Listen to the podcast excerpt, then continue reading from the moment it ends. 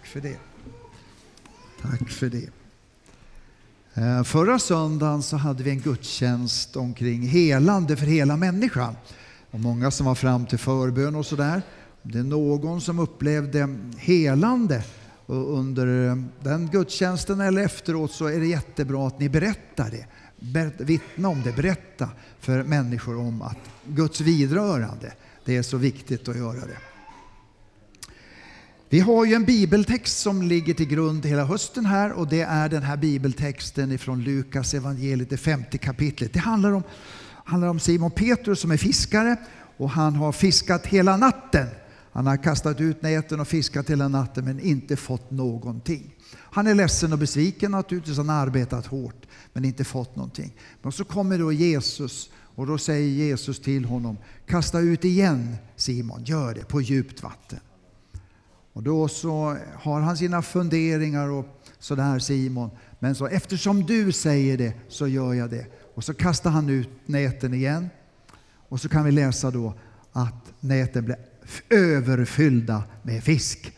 Så de vinkade till de andra, kom och, hjälp, kom och, och, och, och fånga fisken. Jag ska läsa lite grann i slutet där. Eh, efter det där så står det så här. Då kastade sig Simon Petrus ner vid Jesu knän och sade Lämna mig Herre, jag är en syndare. Ty han som, och de som var med honom greps av bävan när de såg all fisken de hade fångat. Likaså Jakob och Johannes, Sebedaios söner, som hörde, hörde till samma fiskelag som Simon. Men Jesus sa till Simon, var inte rädd.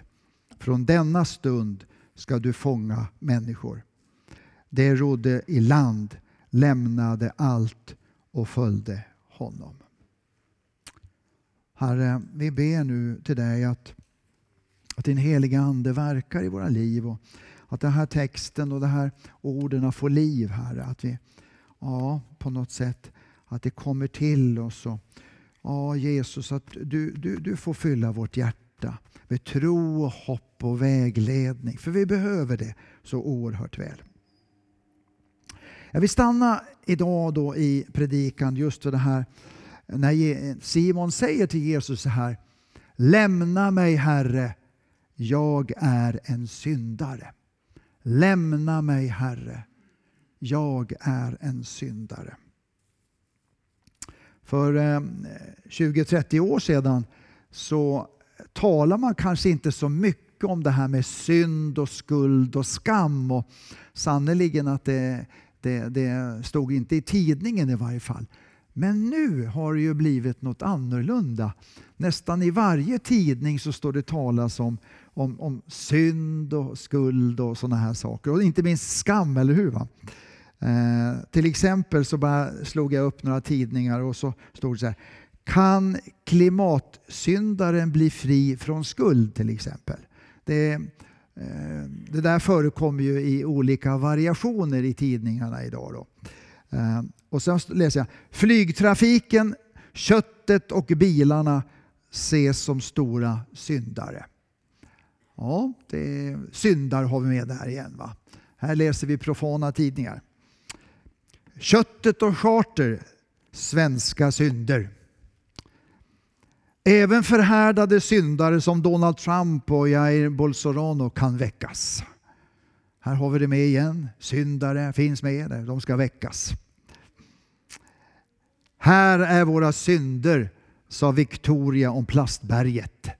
Hon var ute på en Eriksgata och så, så, och så var de i en fabrik, en plastfabrik och så såg de returplaster och då sa hon så här. Här är våra synder. Så att det, det, här förekommer liksom idag i dagligt tal kan man säga. Det har fått revansch de här orden på något sätt. Och här säger då Simon så här. Lämna mig Herre, jag är en syndare. Lämna mig Herre, jag är en syndare. Och det, det säger han då när han, när han liksom hade fått den där stora fångsten så bara känner han så här. Men lämna mig Herre, jag är en syndare. Jag tror inte att han menade så här, för jag funderar lite, ja, vad menar du? Simon med de där orden. Jag tror inte att han menar så här att Alltså här kommer du Jesus och, och liksom vill visa hur, hur det ska vara och du tror att du kan det här med fiske och sådär. Och, och nu då bara för att du sa sådär så blev det stort. Jag tror inte att lämna mig liksom. Jag tror inte att han sa det på det sättet. Utan snarare så tror jag att, att Simon tänkte lite så här. Men kära någon. Alltså här här har jag försökt all, använda all min kunskap, men på något sätt. Och så kommer Jesus. Och när, när liksom Jesus säger orden så blir det full fångst. Och då tror jag Simon kände, jag står inför den helige guden. Det är ju Gud själv som jag står inför. Och på något sätt, när han, när han kände Guds storhet och, i Jesus Kristus, så kände han sig själv liten, kanske också smutsig.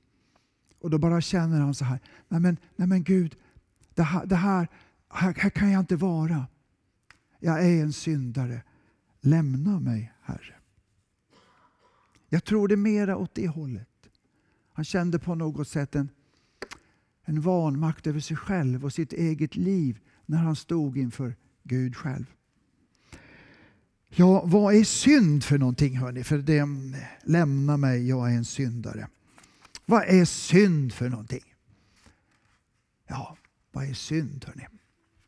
Ska vi göra en liten ovetenskaplig eh, undersökning här? Eh, och, och jag, jag, säger några, eh, några saker och så får du fundera. Eh, och jag börjar med det så här. Är det synd att ljuga? Vi, vi kommer, vi kommer nu upp här nu tror jag. Ja, det gör nog det. är det synd att ljuga? Eh, vad säger ni om det? Är det synd att ljuga? Alla ni som tycker det, räcker upp handen. Det är, ja, ganska många tycker att det är synd att ljuga. Mm. Ehm, nu nästa. Är det synd att flyga? Vad tycker du om det? Räck upp handen alla som tycker att det är synd att flyga. Ja, inte särskilt många som gör det. Nej. Mm. Eh, eh, är det synd att äta kött? Är det någon som tycker det? Nej, inte det. Nej. Är det synd att dricka sprit? Ja, det tycker några är synd. Ja. Mm. Är det synd att skvallra? Ja, någon, någon, någon, tycker nog att det är lite synd att skvallra. Ja, mm, ja. Det, det, det, jag förstår, man måste tänka på frågorna. Man kan liksom inte så snabbt så här. Är det synd att titta bort när vi ser en tiggare vika? Är det synd? Ja, nu är det andra som räcker upp handen. Ja, just det. Mm. Är det synd att hoppa över söndagens gudstjänst?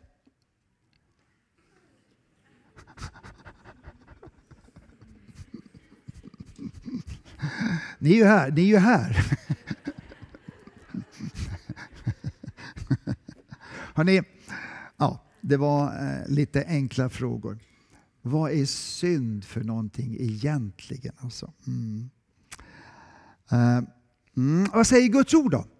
Guds ord säger så här i eh, Gamla Testamentet, Jesaja 53 och 7 står det så här. Vi gick alla vilse som får, var och en tog sin egen väg. Mm. Synden, att ta sin egen väg. Det är liksom grundsynden på något sätt. I Jesaja 59 så står det så här. Det är era synder som skiljer er från Gud. Era brott får honom att vända sig bort och inte höra. Här var det synder och i det första så handlar det om synden. Och Vi kan skilja på det. Ursynden, grundsynden på något sätt, som skapar i sin tur olika synder. Vad säger Jesus om det här då? Jesus säger i Johannes 16 och 9 säger han så här. Synd är att de inte tror på mig. Det säger Jesus tydligt. Det är synd. Det är grundsynden på något sätt. Att inte tro på Gud, att inte tro på Jesus. Och Det här, det här kan få oss att, att förstå något. För att nu, nu när talet om synd kommer tillbaka starkt här. Vad är då synd egentligen? Ja, synden, Grundsynden det handlar om att vi har gått bort ifrån Gud. Va? Vi, vi har lämnat Gud. På något sätt så tycks det som, genom arvsynden, som att vi människor föds med ryggen mot Gud. Vi föds hos Gud, men ryggen mot Gud. Och när vi börjar ta våra steg så är det så lätt att vi går bort ifrån Gud. Vi lämnar honom. Vi blir äldre och vi tänker så här, vad ska vi ha med Gud att göra? Vi vill inte ha någon övervakare över oss. Jag struntar i Gud, jag klarar mig själv. Och så går man allt längre bort. Det är det här som, som Bibeln talar om är ursynden. Att vi inte vill veta av Gud, att vi liksom struntar i Gud, att jag lever mitt eget liv på mitt eget sätt. Det är det, jag vill vara en fri människa, jag vill göra vad jag vill. Det är detta som är, är liksom på något sätt eh, ursynden och som, som vi kanske alla kan känna finns i oss lite grann. Att jag minsann vill inte göra sådär. Jag vill gå min egen väg ifrån Gud, bort ifrån honom. Och då när man går så går man ju också bort ifrån från Gud som är kärlek, Gud som är ljus, Gud som är helighet. Det är egentligen saker och ting som vi älskar. Vi älskar ljuset, vi älskar kärleken, vi älskar heligheten, vi älskar det rena och det sanna. Vi gör det. Men samtidigt så går vi bort ifrån de där sakerna långsamt. Och vi hamnar då på något sätt i ett mörker. Mörkret kommer liksom starkare. Det är ungefär som nu när vi går över från sommartid till vintertid eller normaltid. liksom, mörkret kommer starkare i den här årstiden. Och, och, och vi, vi, går liksom in i det här mörkret. Och I det här mörkret så ser vi inte tydligt och klart. Vi ser inte, vi, ser, vi tappar meningen med livet, vi förstår inte vad vi lever egentligen för. Vi förstår liksom, det är mycket som är frågetecken, blir frågetecken. Vi fattar inte, vi förstår inte. Därför att vi lever i mörkret. Och här i mörkret så kan vi skada oss själva oerhört mycket. Vi förstår det inte, vi ser det inte för det är inte ljust. Vi kan gå på saker och vi kan också skada andra människor oerhört mycket. Vi skadar därför att vi lever i mörkret. Också i kylan på något sätt. Det är den stora synden. Och livet här borta, det gör ju på något sätt att jag föder fram synder. Sådant som inte är efter Guds vilja. Eh, jag föder fram det i handlingar, jag föder fram det i tanken, jag föder fram det i, i viljan, jag föder fram det med mina händer, jag föder fram det med mina ord. Jag föder fram sådant som inte är gott för Gud och för Guds rike och för mänskligheten. Föder synder i, i olika saker här i mörkret. Men ursynden och grundsynden är just detta att, att jag vill inte ha med Gud att göra. Jag vill gå bort ifrån honom. Jag vill leva mitt eget liv. Och det, det, det, det, Så tänker jag ju kanske. Därför att på något sätt så har jag kanske fått höra eller indoktrineras på något sätt att liv med Gud, ah, du vet det är inte bra. Va? Det är inte gott för dig. Det är liksom att vara som ett fångstnät på något sätt. Du, du, du, blir inte fri, du blir inkapslad i en låda. Vi kanske har fått höra det och fått på något sätt tron att det är på det sättet. Och därför så vill vi på något sätt gå iväg ifrån Gud. Och Det här är någonting som, som sker då i hela vår tillvaro. Och Det är därför Bibeln också talar om synd och menar att synden är väldigt allvarlig. Här i den här texten då så är det Simon som när han får liksom se det resultatet av Gud på något sätt som är så oerhört starkt så säger han så här, lämna mig Herre, jag är en syndare.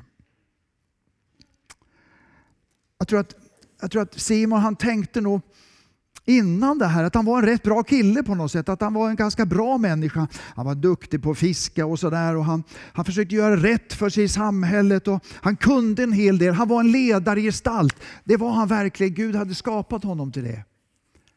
Han tyckte nog att han kanske var en ganska bra människa på något sätt.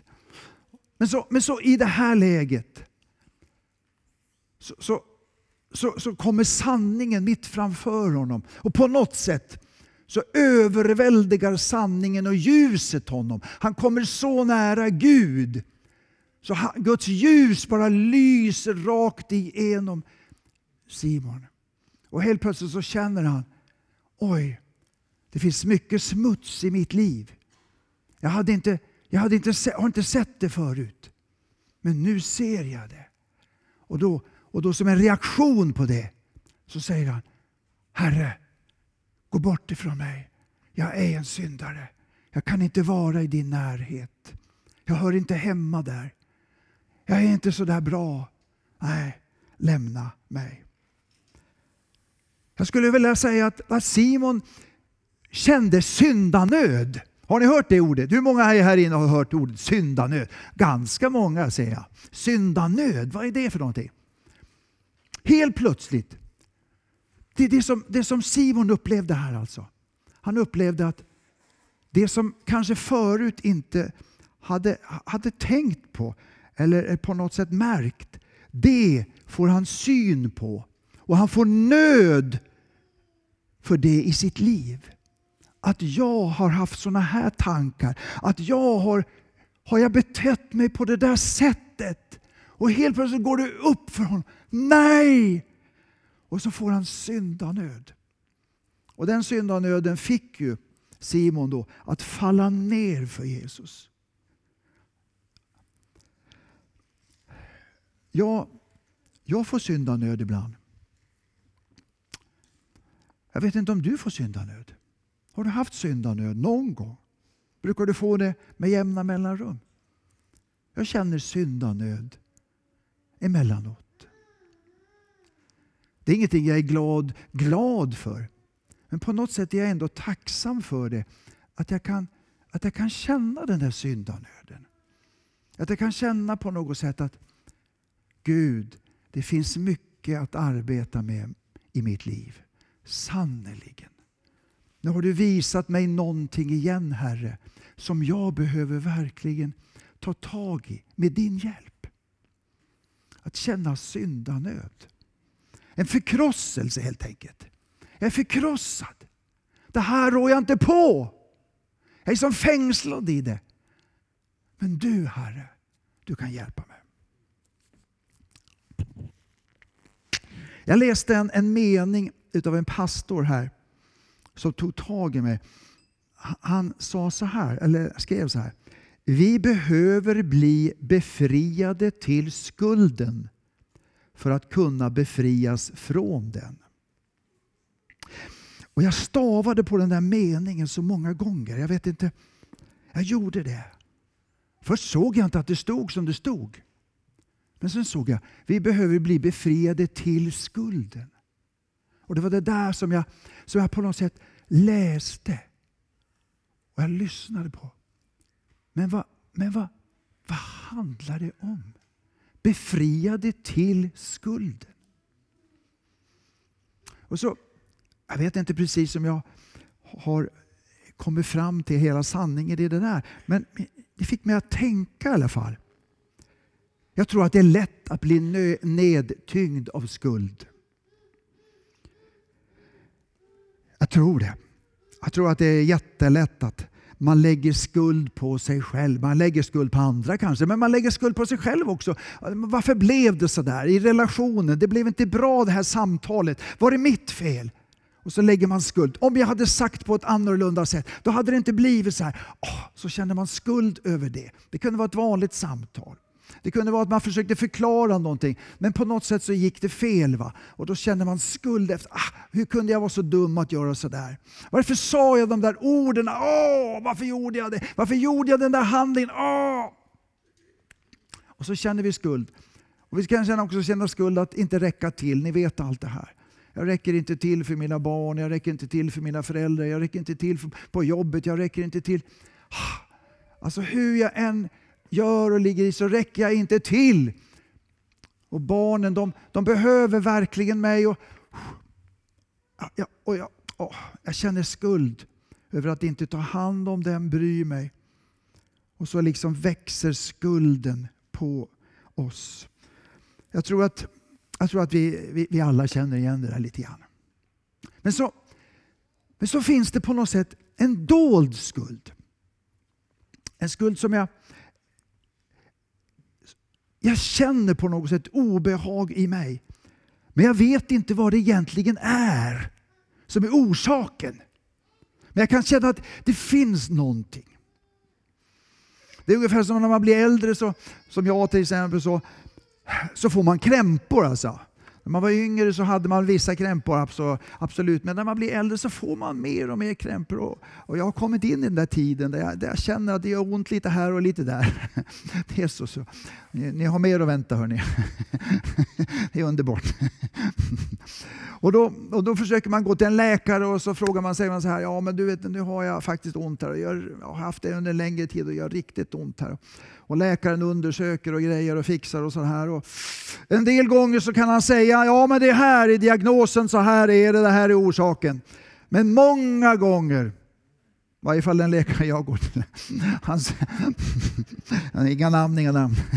Han säger liksom, att det här är inte så enkelt, det här är inte, åh, det skulle kunna vara det där, det skulle kunna vara det här och det skulle kunna vara det här. Och, och liksom, det, det är något diffust på något sätt. Jag vet inte om det är någon som känner igen sig. Man får liksom ett diffust svar av läkaren. Han kan inte ställa någon diagnos. Men det är någonting någonstans som har orsakat det här. Men vi vet inte riktigt och vi kan inte förstå det riktigt. Och vi får göra tester vidare här och så vidare. Så där, så där tror jag det kan vara med, med skuld. Med skuld i våra liv. Vi vet några saker, absolut, det där vi, men så vet så är det som att det det ligger en annan skuld över oss som vi inte känner till orsaken till. Vi vet inte varför egentligen. Vi pratar mycket om psykisk ohälsa idag och det har jättemånga olika orsaker. Och en del orsaker vet vi definitivt. Men samtidigt så är det mycket som vi inte vet. Varför mår jag så illa? Det behöver inte vara bara psykisk ohälsa. Det kan vara bara det att jag, är, att jag känner mig deppig deppad en period. Jag känner mig deppad, jag känner mig ledsen och nedslagen på något sätt. Vad, vad är det som gör det? Egentligen har jag allting. Jag har hus, jag har en säng att sova, jag har mat på bordet, jag har familj, jag har goda vänner. Men varför ändå, ändå så är det som det jag är inte riktigt glad. Jag kan inte känna den där jublande glädjen som andra tycks känna. Jag kan inte det. Vad är det som hindrar egentligen? Och det är som någon att det finns någonting där. Men jag vet inte. Var finns det? Vad är orsaken? Vad är diagnosen till det hela? Eh, han hette Nisse Simonsson, han som skrev den här boken, en bestseller för några år sedan. Varför mår vi så dåligt när vi har det så bra? Han skrev den där boken och det var jättemånga människor som köpte den. Därför att de kände igen sig i den där titeln. Alltså, varför mår vi inte bättre i Sverige? Vi har ju allting. Vad är orsaken egentligen? Diagnosen. Det här har lite grann med det här att göra som jag läste den här meningen. Vi behöver bli befriade till skulden för att kunna befrias från den. Befrias till skulden. Va, va, vadå, vadå? Jag tänker på när, när, när Jesus mötte Saul, Paulus, där på vägen till Damaskus, så, så står det att det var ett ljussken, för Jesus kom, och ett ljussken kom över Saul. Han blev blind. Och så, och så leder man honom in i Damaskus, och där sitter han och bara ber. Och på något sätt så kan jag, kan jag tänka så här, att det här ljuset från Jesus, det genomlyste Saul direkt. Och helt plötsligt så har han fått liksom ett papper på ungefär, ja men det här är ju orsaken varför jag har mått så illa. Inte visste jag, säger han, inte visste jag att jag gick emot Gud när jag försökte fängsla de kristna. Inte visste jag att jag jobbade emot Gud. Jag trodde jag jobbade för honom. Men genomlysningen, närheten till Guds son Jesus Kristus uppenbarade saker och ting i hans liv som, som inte var rätt, som var fel. Men hade han inte sett tidigare, förstått tidigare. Men den där genomlysningen blev så uppenbar för honom. Ja, men det här och här och vilken skuld jag har. Han kom synd i mitt liv. Jag är en syndare, upplevde Saul Paulus. Jag har skuld i mitt liv. Så många människor som jag med glädje har, har liksom tagit och kastat i fängelse. Helt orättfärdigt. Helt fel. Och till och med så var jag med när Stefanus eh, avrättades. Och jag var nöjd med det. Och han kände skulden. Skulden. Han hade inte sett det, han hade tänkt på det här. Men där avslöjades det. Kanske var det något liknande med Simon. Att när Simon i sin vardag så gick han så här liksom fram och tillbaka och levde sitt liv och allt var ganska bra. Men så kunde han känna en ton på något sätt i sitt liv. En ton där inne av missnöje. En ton där inne om att ah, varför är jag så ledsen? Varför, varför, liksom, varför mår jag inte bättre? kunde han känna. Och så kommer då Jesus där och genomlyser honom fullständigt. Genomlysningen med kärlek naturligtvis. För det är det som Jesus gör. Och helt plötsligt så ser jag allt skräp i mitt liv som har varit undangömt. Som jag inte har sett tidigare. Och Simon han bara liksom, när han ser det här skräpet så faller han ner på knä och säger Jesus, gå bort ifrån mig. Jag är en syndare. Du ser så stor syndare. Jag är. Jag är ingenting för dig och ditt rike. Du får gå till någon annan och kalla på någon annan. Du ser, jag är värdelös. Nej, Herre, lämna mig. Lämna mig, lämna mig, lämna mig. Att egentligen så, så ville han kanske inte det. Jag tror inte att han ville att Jesus skulle lämna honom egentligen. Men han bara kände så. Du förstår, du lever på den där planeten, jag lever på den här planeten. Vi hör inte ihop på något sätt.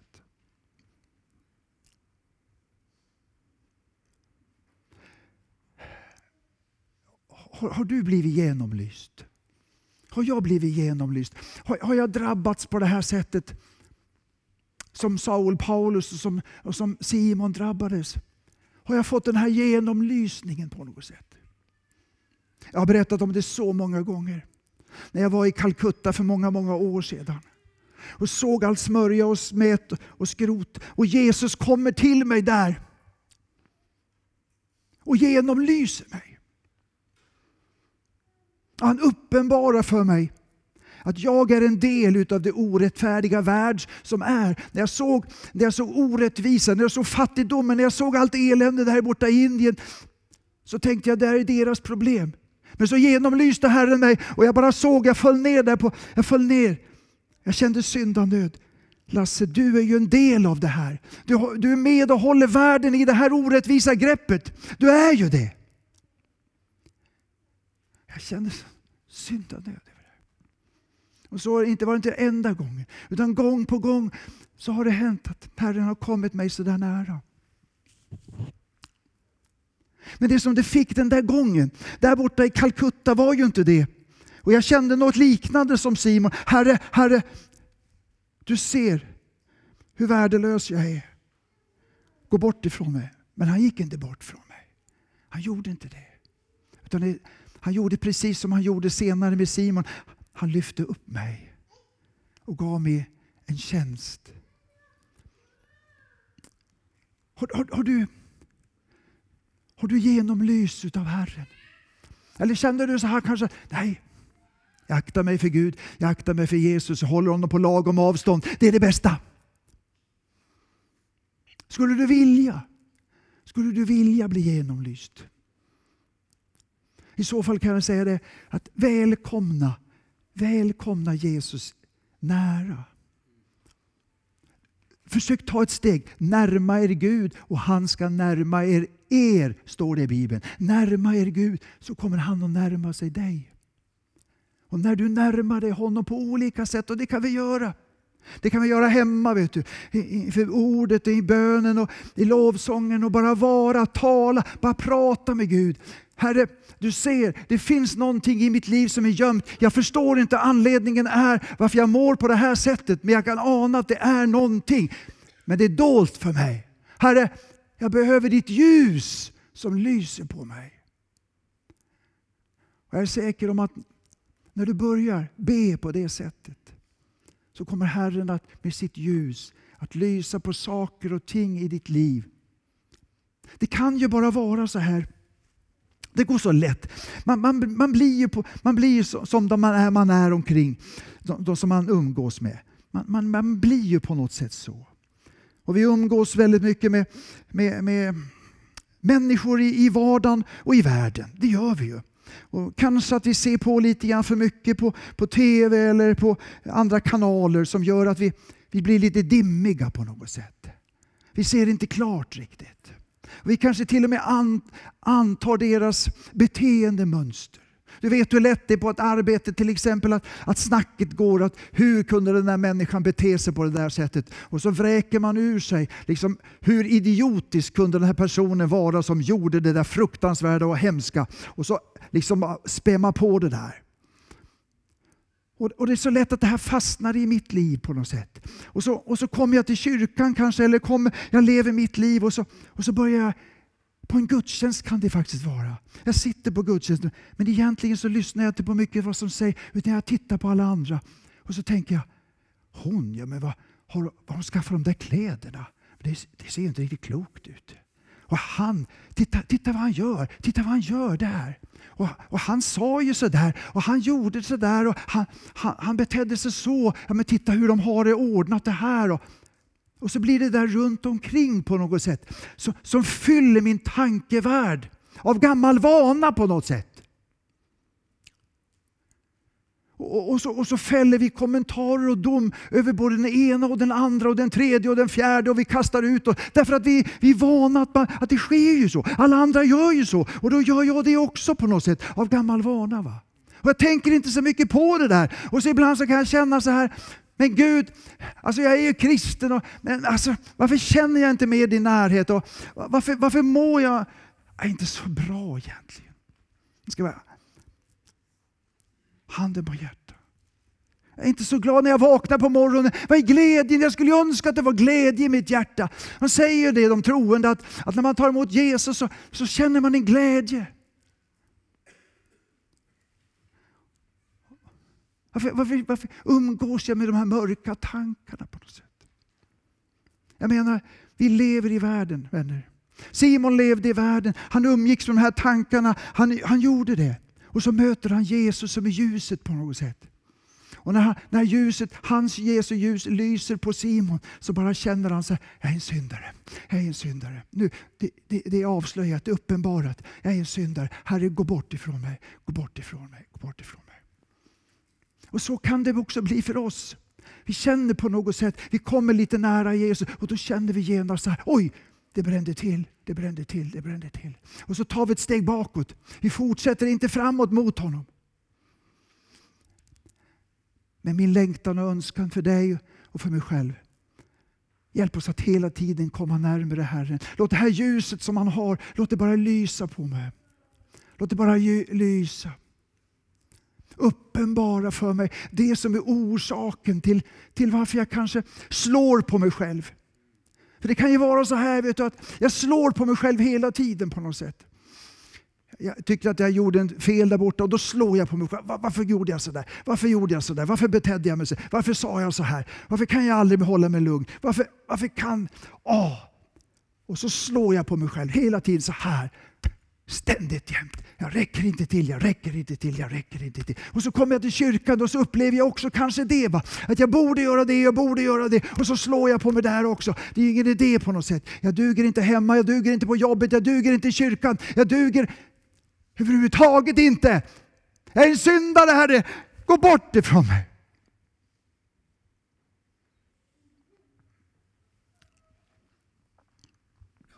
Det är då så här underbart och få läsa fortsättningen. För då säger Jesus till Simon så här. Han säger, var inte rädd, säger han. Var inte rädd. Var inte rädd.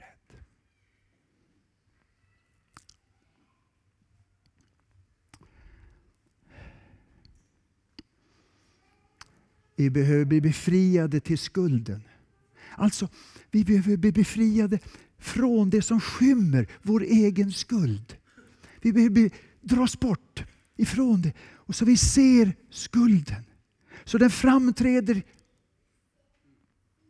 Vi blir befriade ur det. För när vi, när, vi får, när vi får syn på den och ser den Och Jesus står framför oss och han säger till oss, var inte rädd Lasse. Jag tänker inte sparka iväg det. Jag tänker inte, utan var inte rädd. Och så säger han till dig också. När på något sätt de här mörkaste tankarna, när han har sett rakt in i ditt inre och i mörkret där inne. Du vet, med alla begär som du har och som du försöker kontrollera men som du inte lyckas alla gånger. Allt det där smörjan som finns där inombords, som du önskar att ingen annan får se, som du håller hemligt. Han bara ser rakt in i det där. Och så säger han, var inte rädd, säger han. Var inte rädd. Var inte rädd. Jag vill ta över den där smörjan. Jag vill ta alltihopa. Du vet, jag dog på ett kors, säger Jesus till oss. Jag dog på ett kors. Och det var för din synd, grundsynden att du ville gå iväg. Det var den jag tog. Jag tog den synden på korset. Mitt blod rann av den anledningen och det rinner än idag. Du jag vill ta din synd, jag vill ta din skuld, jag vill ta allt sammans detta. Jag vill ta, var inte rädd. Jag tar det. Det är evangelium vänner. Det är evangelium. Att hur dåliga, hur, hur skitiga, lortiga vi är, vilken smörja, vilka tankar vi än har. Även som kristna, även som troende. Så säger inte Herren gå bort. Det är inte han som säger det. Han säger det, var inte rädd. Jag vill ta det där. Jag vill lyfta av det där. Jag vill lyfta av bördan. Jag vill göra det. Jag vill lyfta av det mörka. Jag vill lyfta av det som har legat där och orsakat. Att du inte har känt den där glädjen som jag vill att du ska känna och uppleva oavsett omständigheterna. Den där friden i hjärtat som jag har kommit för att ge oavsett omständigheter. Jag vill att du tar emot. Och så får vi bara, bara vräka ur oss till Herren. Herre, ta alltihop. Ta alltihop. Ta alltihop. Och så säger Herren så här. Stå upp. Följ mig Simon. Jag ska göra dig till människofiskare. Och, då, och, då, och det kommer också till oss, dig och mig. Liksom, Oavsett hur mycket smörja vi har, hur mycket mörker vi än har i vårt inre. Hur det än har varit så säger Herren, var inte rädd. Och så säger han, stig upp. Följ mig. Och jag ska göra dig till människofiskare. Och då, då, då, då har vi chansen att kapitulera. Vi har chansen liksom att säga så här, Herre, jag kapitulerar inför dig. Det är sant och riktigt. Tack för att du har uppenbarat det här för mig. Tack för att du framförallt har uppenbarat att du vill ta all smörja, att du vill ta det, vill lösa ifrån mig allt detta. Tack för att du vill göra det Herre. Du vill göra äntligen mig fri. Du vill att ljuset på nytt kommer in i mitt liv. Tack Herre för att du vill göra det. Det som jag själv inte kan göra, som jag inte förmår och ingen annan läkare heller. Men du kan göra det och så och så står det så här i slutet av texten. Att Simon och alla de andra, de stod upp och de följde Jesus. De följde honom. Och det vill jag säga till dig som kanske är här i kyrkan första gången eller det har varit hur många gånger som helst. Som kanske känner något av det här som, som Simon kände nämligen. Gå bort ifrån mig Jesus, för jag är en syndare. Du är helig och ren och du, du befinner dig på den där halvan, planhalvan. Men du vet, jag är en syndare. Du, du, du, du, har inte, du har inte förstått vilka tankar jag har. Du har inte förstått vad jag lever i för mörker. Gå bort ifrån mig. Och Du kanske känner så här när det gäller församlingen och uppgifter i församlingen. Men jag kan inte göra det där. Jag som är på det där sättet. Jag skulle aldrig kunna göra det. Men det, det, det där är för människor som, är, som har liksom kommit lite längre och som, som lever halvheligt på något sätt och till och med heligt. Det, det, det är inte alls för mig.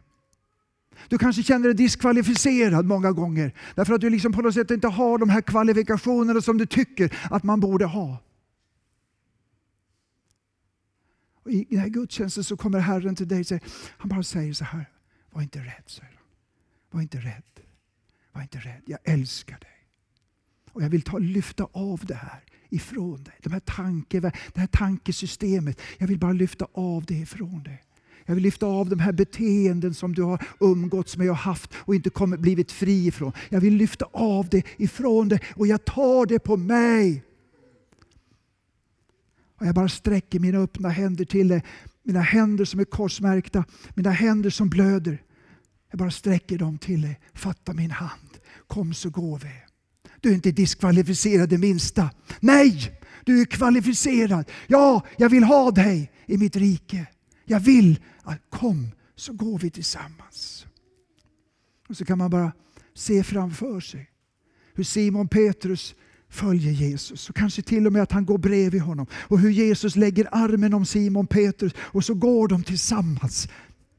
Och Simon som nyss kände sig totalt som värdelös, han bara känner wow, det är inte jag själv, utan det är Herren. Herren som lever med mig och i mig. Det är han som är min styrka. Det är han som är min rättfärdighet. Det är han som är min helighet. Det är han som är allt i mitt liv.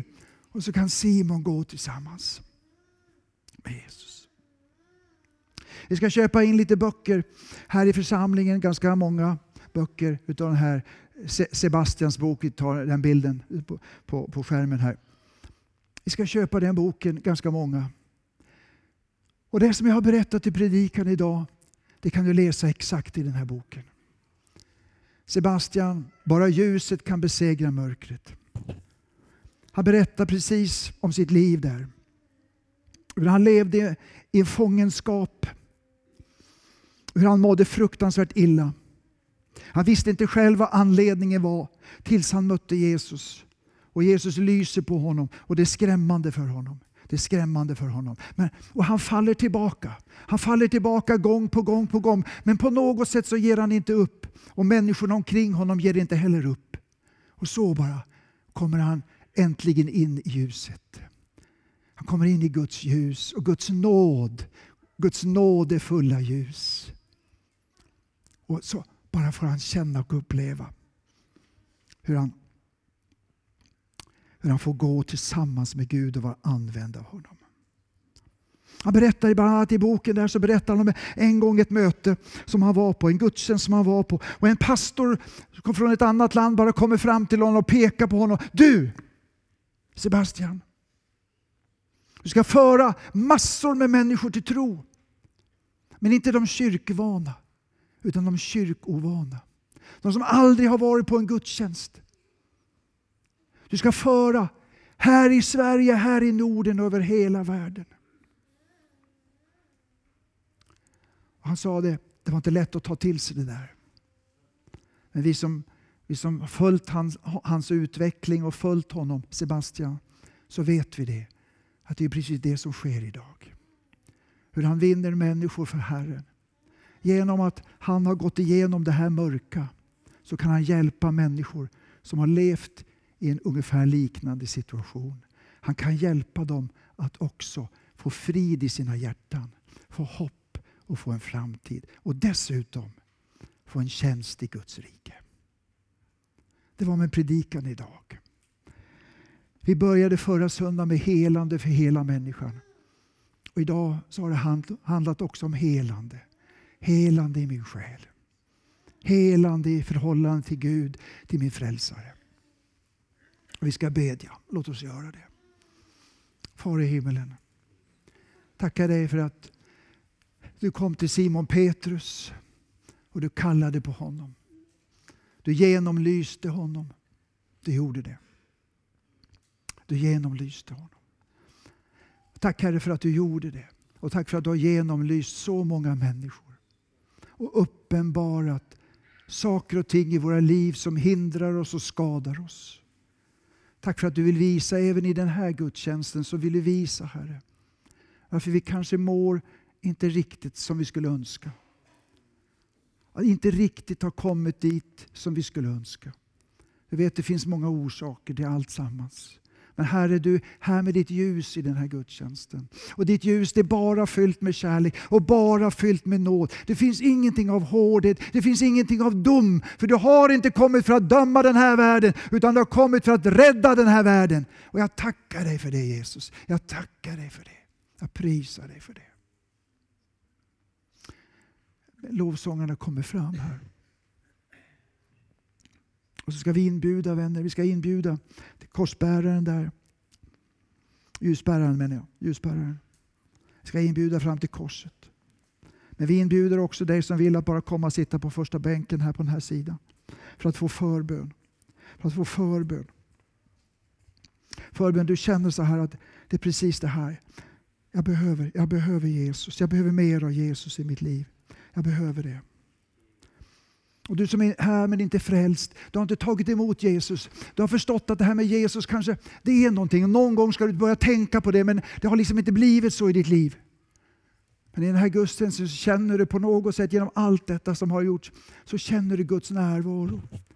Och du känner Jesus. Och du kanske, kanske sitter här och finns här och bara önskar, ja men jag vill bli frälst. Jag vill bli Guds barn. Jag vill, jag vill få min synd förlåten. Jag vill sannerligen få det. Bara kommer du fram, sätter dig på bänken där eller kommer fram till korset. Bara gör det. Och så är vi inför Herren vänner. Vi är i bön och vi är liksom inför Herren. Du, du är inför Jesus Kristus. Han är mitt framför dig. Han är det. Han diskvalificerar dig inte. Han fördömer dig inte. Utan han sträcker ut sin hand. Kom, jag vill hjälpa dig. Jag vill ta allt det tunga. Jag vill lyfta dig ifrån dig. Jag befriar dig. Välkomna vänner. Välkomna att vara med i Jesu namn.